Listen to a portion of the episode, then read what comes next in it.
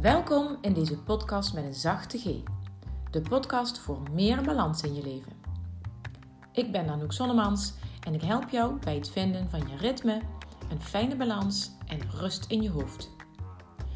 Als balanscoach, moeder, dochter, partner, vriendin en nog veel meer weet ik hoe druk je het kunt hebben. Als jij vaak het gevoel hebt geen grip te krijgen op je agenda en weinig tijd voor jezelf te vinden, dan ben je hier op de juiste plek. Want ik leer je hoe je met kleine stappen grote veranderingen teweeg kunt brengen. Bij jezelf en je omgeving. Ja, het is echt heel simpel. Geniet van deze nieuwe aflevering.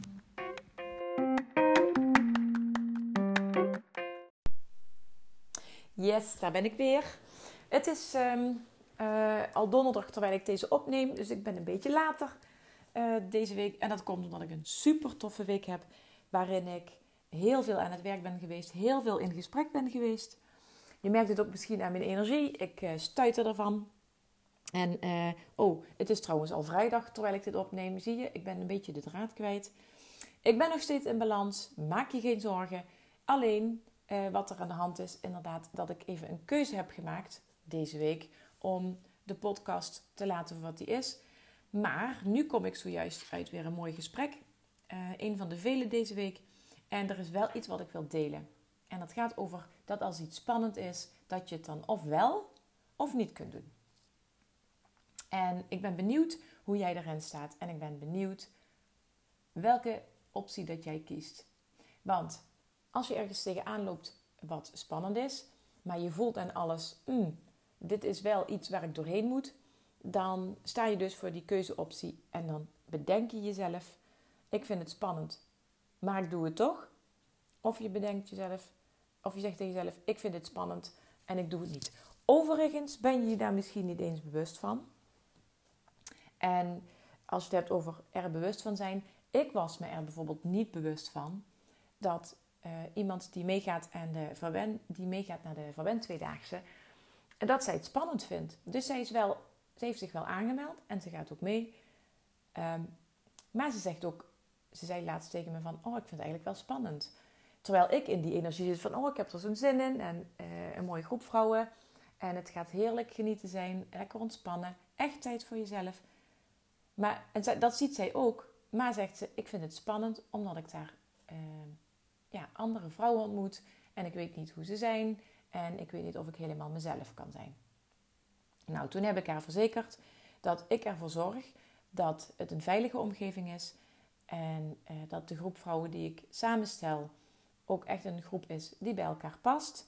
Want als ik het idee heb dat iemand uh, een nieuwe aanmelding niet past in deze groep, dan, gaan we dat ook, dan, dan geef ik dat ook aan. En dan mag diegene bij een latere versie van de Verwend Tweedaagse aansluiten.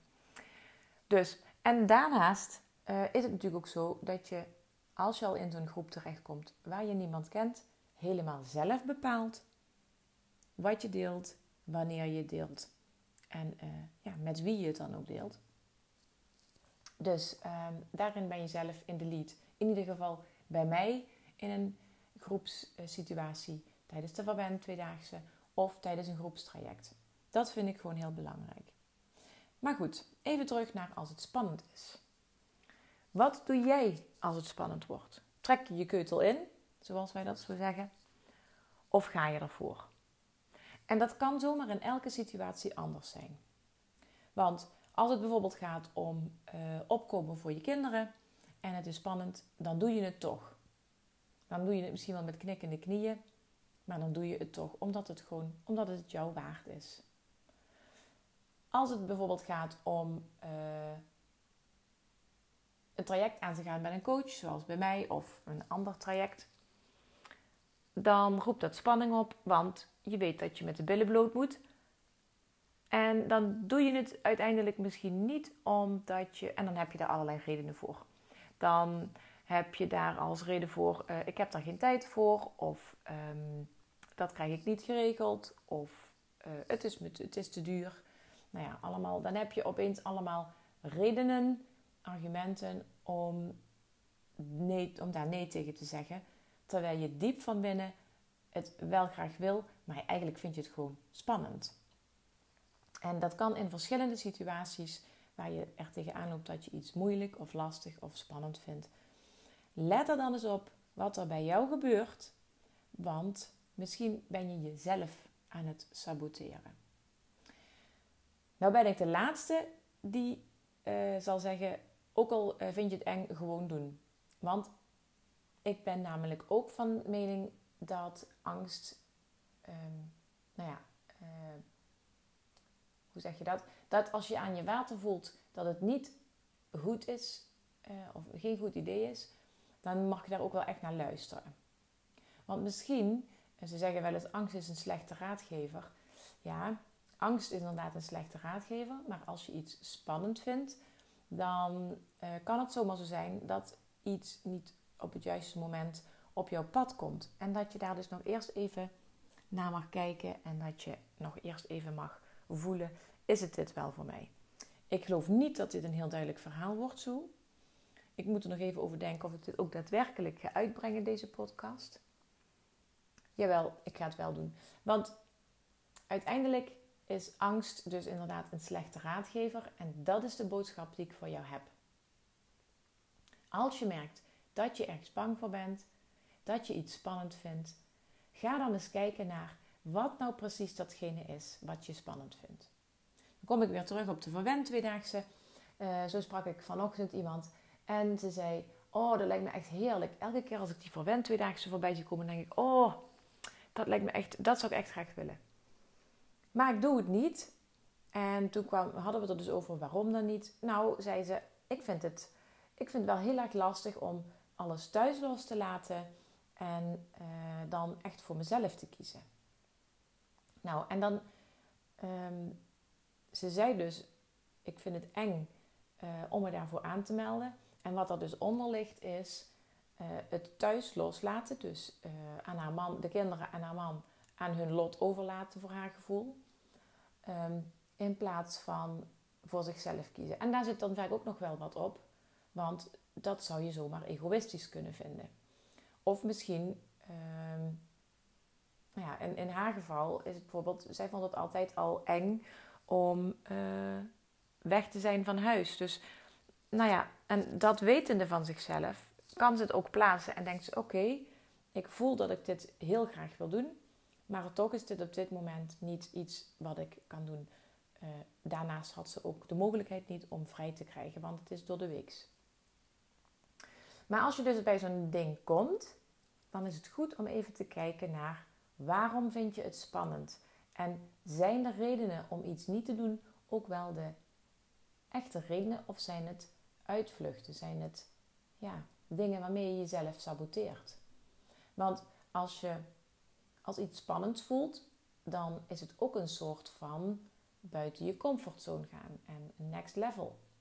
En uh, als je goede redenen hebt om dat niet te doen, waarvan jij vertelt tegen jezelf dat dat goede redenen zijn, dan hoef je dus ook niet met de billen bloot. Dan hoef je dus ook niet te gaan staan voor iets of te gaan voor iets wat uh, eigenlijk ook wel een beetje spannend is dus. Nou, en dat heb ik bijvoorbeeld zelf ga ik even mijn eigen voorbeeld aandragen. Um, ik ben bezig met een aantal toffe plannen achter de schermen. En daarover heb ik in eerste instantie over mijn allereerste uh, plan, Project X. Um, daar heb ik helemaal niemand iets over verteld. Daar heb ik echt eerst een paar weken zelf over nagedacht.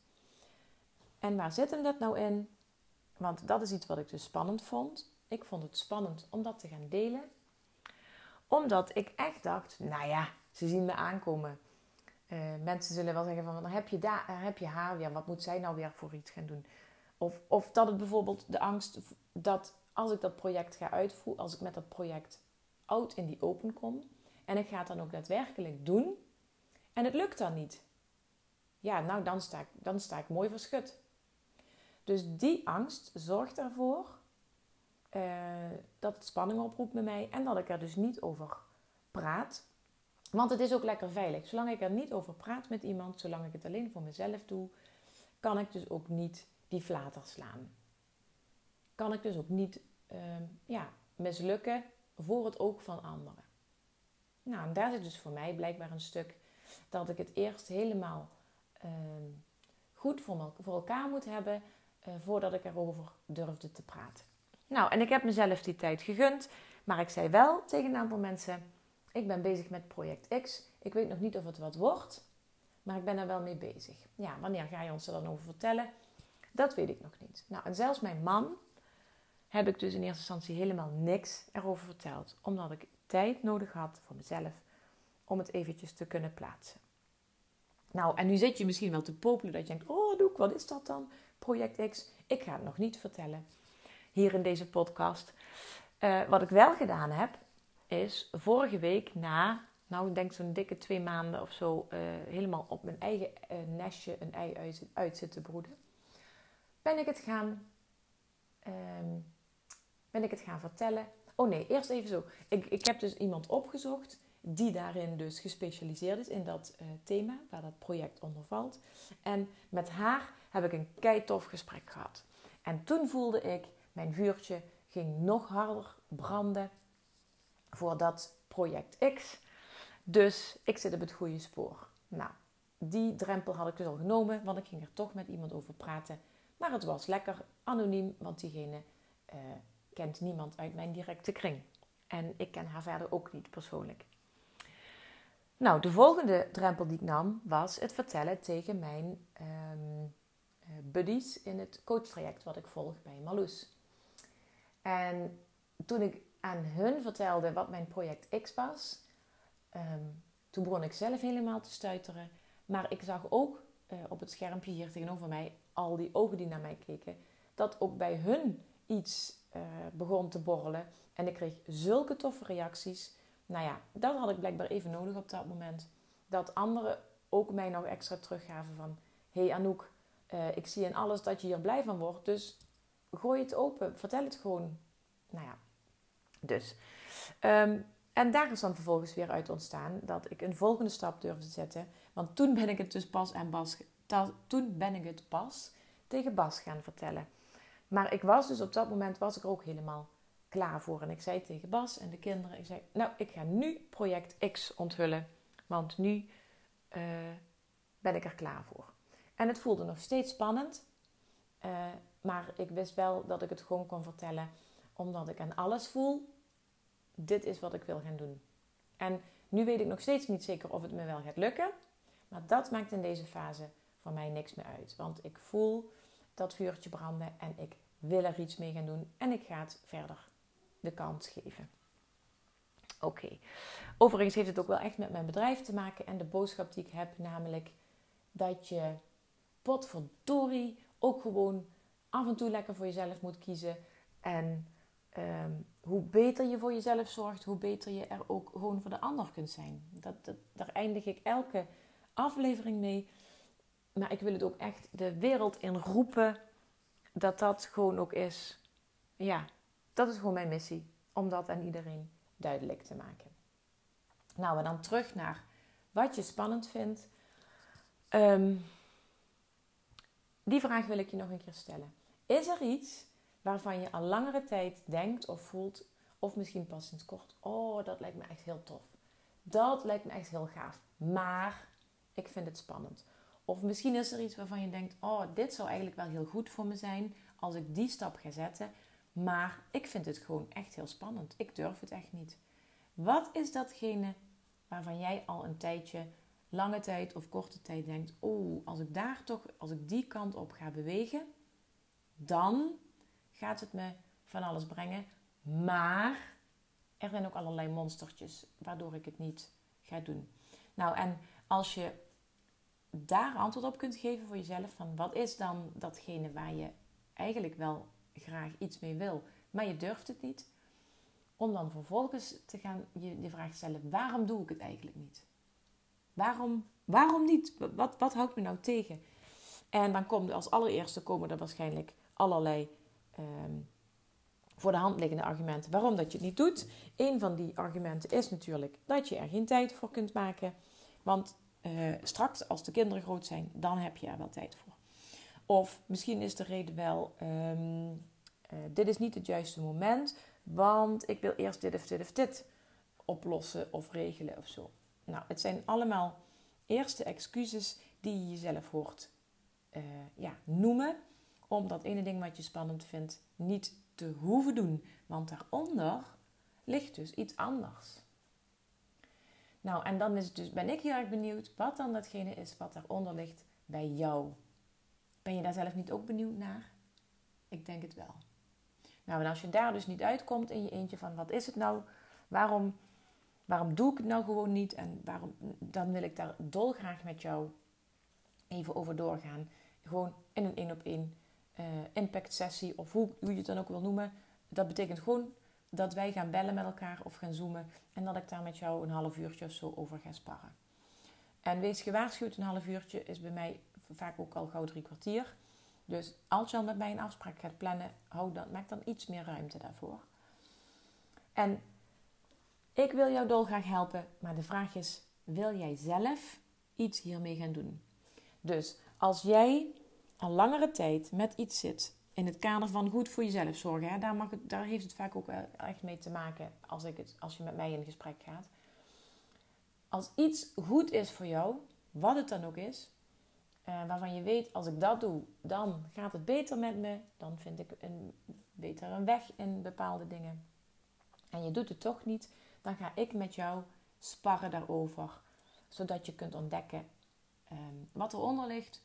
En als je wel al weet wat eronder ligt, dan ben ik degene die met jou gaat kijken naar wat is dan een eerste stap die je toch kunt zetten, zoals ik dat ook heb gedaan, hè? nu in dit voorbeeld.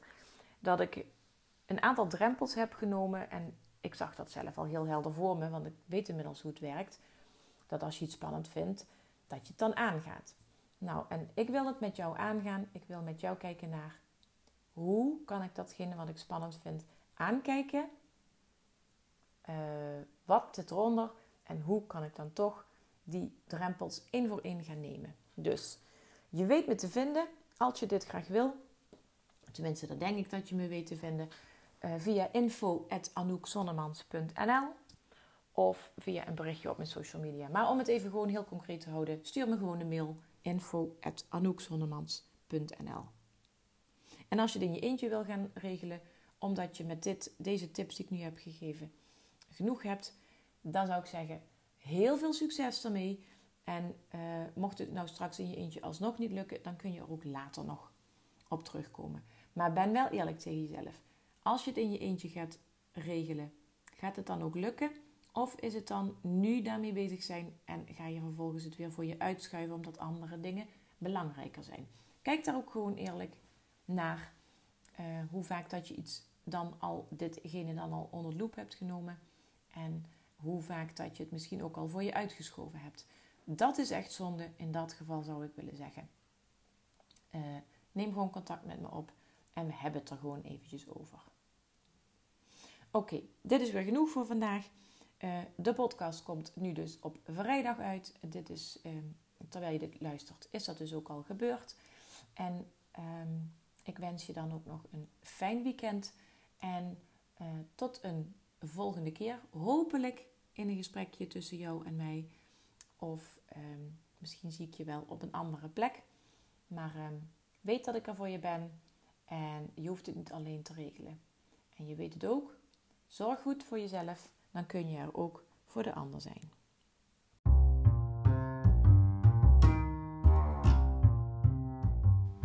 Bedankt voor het luisteren naar deze aflevering. Omdat ik heel graag vragen stel om jou te kunnen inspireren, doe ik dat nu ook. Wat heeft jou in deze aflevering geraakt of geïnspireerd? En waar kwam dat door? Welke stap zou je nu als eerste kunnen zetten naar nog beter voor jezelf zorgen? En wie zou je deze podcastaflevering willen aanraden? Deel dan meteen deze link via een appje of deel een screenshot op je social media en tag mij dan ook even. Dankjewel! Tot de volgende aflevering.